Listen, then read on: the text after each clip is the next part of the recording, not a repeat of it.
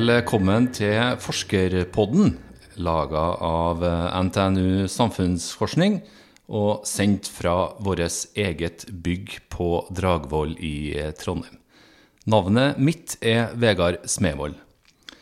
Forsker eh, Silje Steinsbekk. Eh, jeg har sjøl en eh, toåring hjem. Hvorfor er det ikke så viktig at han spiser opp maten sin? Fordi at hvis han blir tvunget til å spise opp maten sin, så er det mer sannsynlig at han får et negativt forhold til mat og spising, og det er en viss risiko for at han blir dårligere til å regulere eget matinntak. Nettopp. Det skal du få snakke mer om eh, om ikke så veldig lenge. Eh, du hører på Forskerpodden, sendt fra Dragvoll i Trondheim og laga av NTNU Samfunnsforskning.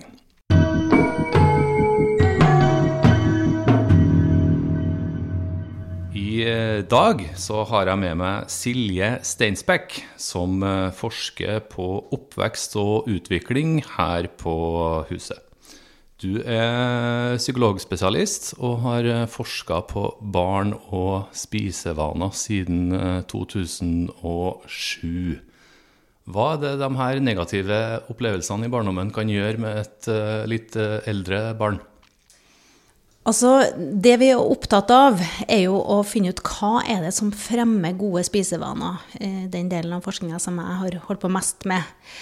Og um, det vi vet, at unger har en medfødt naturlig evne til å regulere eget inntak. At de spiser så mye som kroppen trenger. Og at hvis vi som foreldre overkjører det med å presse ungene til å spise, eh, f.eks., så reduseres den evnen til å passe på å spise så mye som kroppen trenger. Og da øker sannsynligheten for at man spiser mer, og dermed ender opp med overvekt eller fedme. Eh, jeg har hørt at du har sagt at man ikke skal gi ros til barn når de eh, spiser opp. Hvorfor skal ikke vi gjøre det? Det er ikke noe prestasjon å spise opp maten sin. Vi spiser fordi at vi har glede av mat, fordi at kroppen trenger mat, at vi skal holde oss friske, og, og fordi at mat og måltid er knytta til gode samvær, forhåpentligvis. så det å si å nei, så flink du var til å spise, da lærer vi ungene at det her er en prestasjon. Det, jo mer jeg spiser, jo, jo bedre er det. Eh, og sånn tenker vi ellers òg om barns opplevelser. Det å benevne opplevelsen mer enn prestasjonen. Sant? 'Oi, så flink du var til å rutsje.' Nei, det der så spennende ut. Eller 'i dag var du jammen meg sulten'. Eller 'i dag ser jeg at du var ikke så, hadde ikke så lyst på mat i dag'. Jeg er jo eh, småbarnspappa sjøl og har sikkert uh, gått i den fella der uh, for mange ganger. Hva har du å si til oss? Først og fremst så gjør alle foreldre det beste de kan, og det er som regel for de fleste godt nok.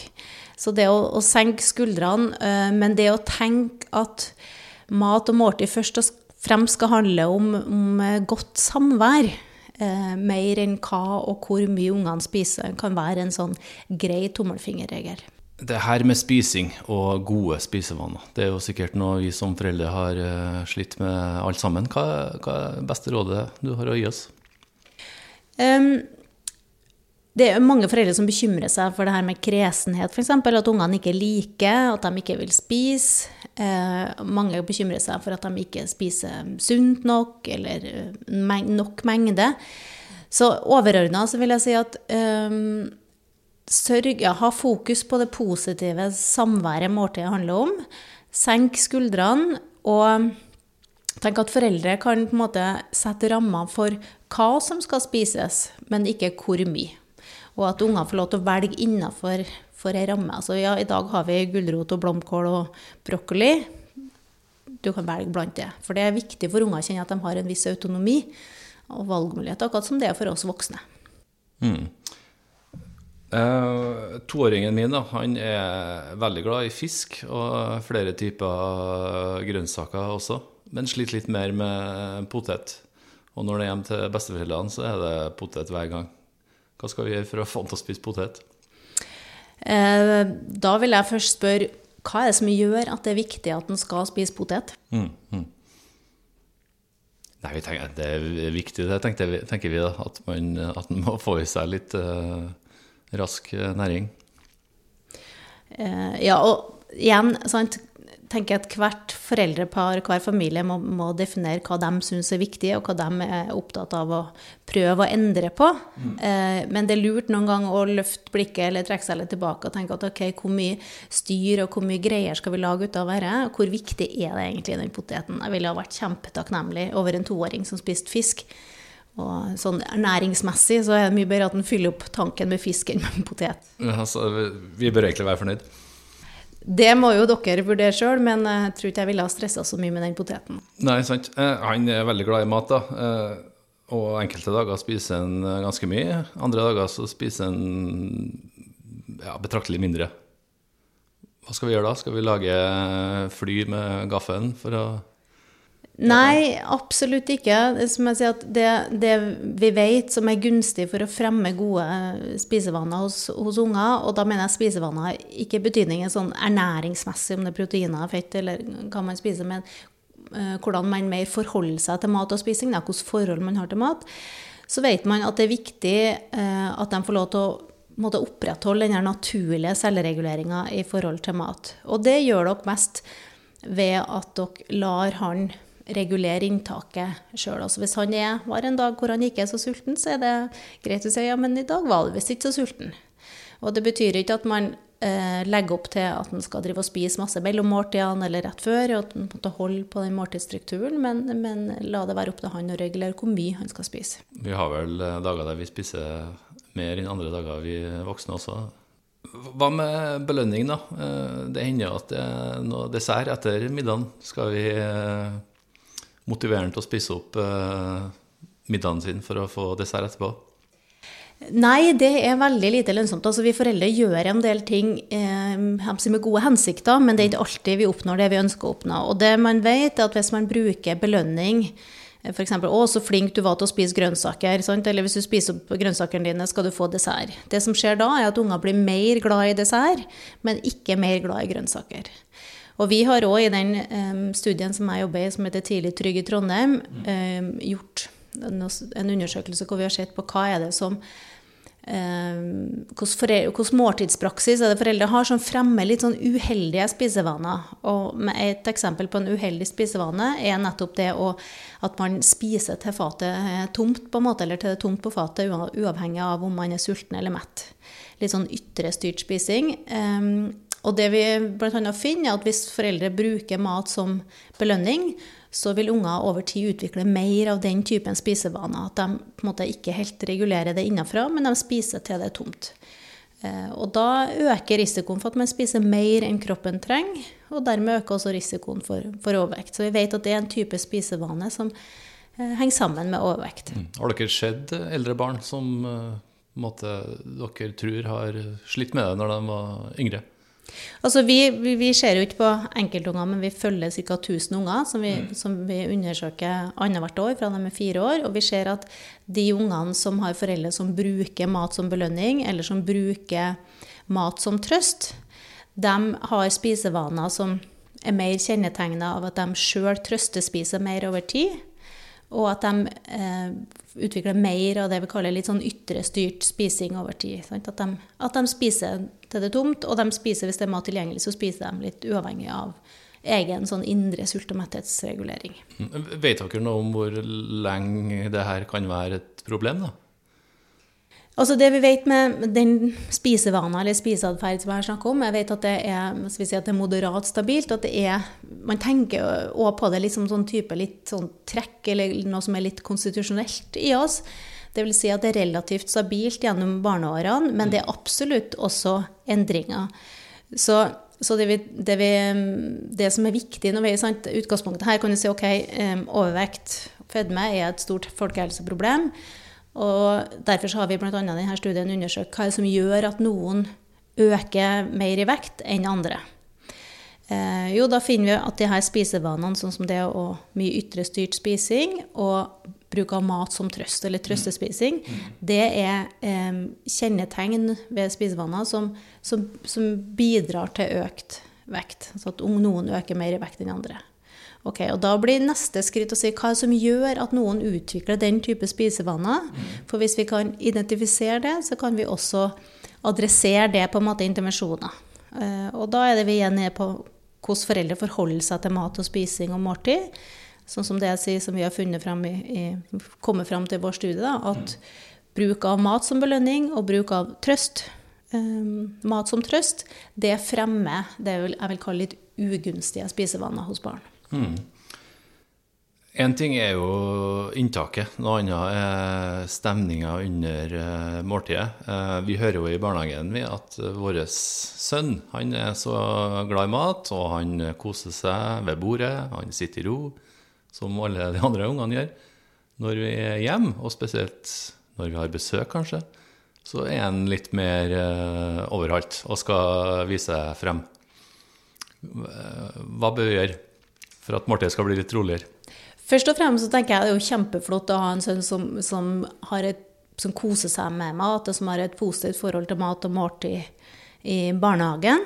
Eh, og så vil jeg igjen ha spurt meg sjøl, tror jeg, hvor stort er dette problemet med, med uro?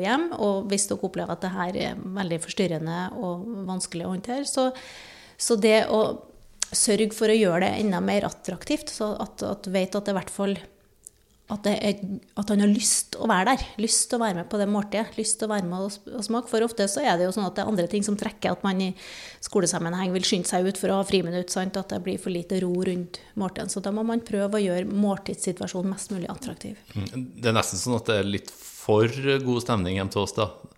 Det er ikke eh, skriking og hylling, men det er, det er jubel og litt klatring på bord og sånn. Og da, en toåring, han skal nå gjerne klatre litt. Mm. Så egentlig rådet ditt er at vi må senke skuldrene? Det igjen, det er nå dere som står i de måltallene og som kjenner på hvor, hvor utfordrende det her er. Men eh, noen ganger så er det lurt å løfte blikket og senke skuldrene og kjenne OK, er det her verdt å lage en greie ut av, eller, eller, ikke? Og noen foreldre vil oppleve at det er det, og da er det rett. tenker jeg. Her er foreldre sjøl som er ekspertene.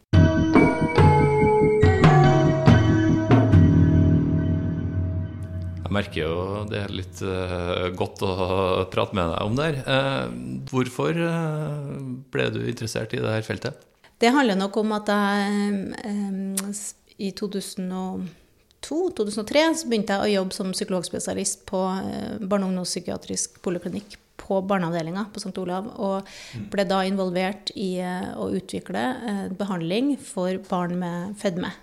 Så jeg jobba klinisk med behandling av barnefedme mm. i et veldig bra tverrfaglig team med lege og ernæringsfysiolog og fysioterapeut fra 2003 og oppover. Og um, det var også det som var utgangspunktet for doktorgraden min, altså en randomisert studie av eh, behandling av fedme hos barn og unge. Mm.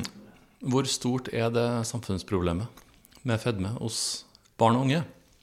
Um, det er jo et av de største folkehelseproblemene vi har eh, i verden i dag. Både sånn eh, si, Kostnadene for den enkelte og for samfunnet er veldig store. Heldigvis så ser det ut som forekomsten av fedme, eh, i hvert fall i Norge og de skandinaviske landene, ser ut til å begynne å si, stabilisere seg, sånn at det ikke er nødvendigvis en fortsatt økning. Men eh, det betyr ikke at vi kan lene oss tilbake og si at nå, nå er jobben gjort. Det, og det handler om tiltak på, på, alle nivå. Både i den enkelte familie, men òg åpenbart på, på, samfunnsnivå. Det du sier, er jo at vi må la ungene våre regulere inntaket mest mulig sjøl. Men, men hva med dem som er tydelig overvektige? Ja, det, det, er et godt poeng. fordi at, uh, som jeg sa innledningsvis, så, så, vet man at barn har en litt sånn medfødt evne til å regulere inntaket sitt, spise ut ifra det kroppen trenger. Men så er det jo individuelle forskjeller, og noen er laga sånn at de ikke regulerer det så godt. Som ikke, ikke kjenner så godt når kroppen har fått nok. Um, og nå er det jo komplekst samspill mellom mange faktorer som gjør at noen utvikler fedme. Sant? Det handler om genetisk sårbarhet, og det handler om hvilke matvaner man har i familien, og det handler om ja, prispolitikk og det meste. Men eh, kan, den genetiske sårbarheten kan ikke vi gjøre noe med. Eh, men det vi kan gjøre noe med, er å hjelpe de ungene som har utvikla overvekt og fedme, til å få utvikle levevaner som gjør at de får en ja, en sunnere kropp som de kanskje trives bedre med, og som fungerer godt i aktivitet osv. Og, og en del, det som kjennetegner mange av de ungene som har fedme, er at de syns det er vanskeligere å stoppe å spise når de er mette, og de ofte spiser mer enn kroppen kanskje trenger. Og da, når ikke denne reguleringa går helt naturlig innafra, så må de ha litt hjelp utafra. Akkurat som vi tenker at Noen må ha mer hjelp til lekser enn andre, og noen må ha mer hjelp til å komme seg opp om morgenen enn andre. Og, og en del unger kjenner ikke så godt det her om de eh, har fått nok eller ikke, og da må vi hjelpe dem litt. F.eks. Um, sånn som vi gjør når vi jobber med behandling av fedme, at den kommer fram i samarbeid med familien. F.eks. til at ok, én porsjon til middag er nok. Sant? Det er ikke mange som trenger mer enn det, men det må mer på fatet til en pappa enn på fatet til en Knut, f.eks. Og at man da, selv når det da kanskje har lyst på mer, så er det faktisk sånn Nei, nå har jeg faktisk spist den ene porsjonen. Så at man på en måte regulerer det mer utafra enn naturlig den ungen som etter en porsjon eller etter en halv porsjon skyver vekk fatet og kjenner at nå er jeg mett. Mm. Men uh, for vår toåring, da, som både er glad i fisk og gulrot, så er det kanskje ikke så grunn til å være veldig bekymra? Det høres absolutt ikke ut som det er noen grunn til å være bekymra. Og vi skal heller ikke rose dem for mye når de uh, spiser opp? Nei, ikke hvis du ønsker at den skal utvikle gode spisevaner. Så ville jeg heller sagt oi, dere likte du kjempegodt, eller i dag var du virkelig sulten. Benevn opplevelsen, ikke prestasjonen. På samme måte som når de har vært på fotballbanen, så skal vi eh, spørre om hvor artig det har vært, fremfor å spørre hvor mange mål de skåra. Eh, nettopp. I dag så det virkelig ut som du kosa deg, eller i dag så det ut som du syntes det var litt traurig å være ute på banen der. Mm. Mm. Tusen eh, takk til Silje Steinsbekk. Du har eh, hørt på Forskerpodden, laga av NTNU Samfunnsforskning. Navnet mitt er Vegard Smevold. Vi høres neste gang.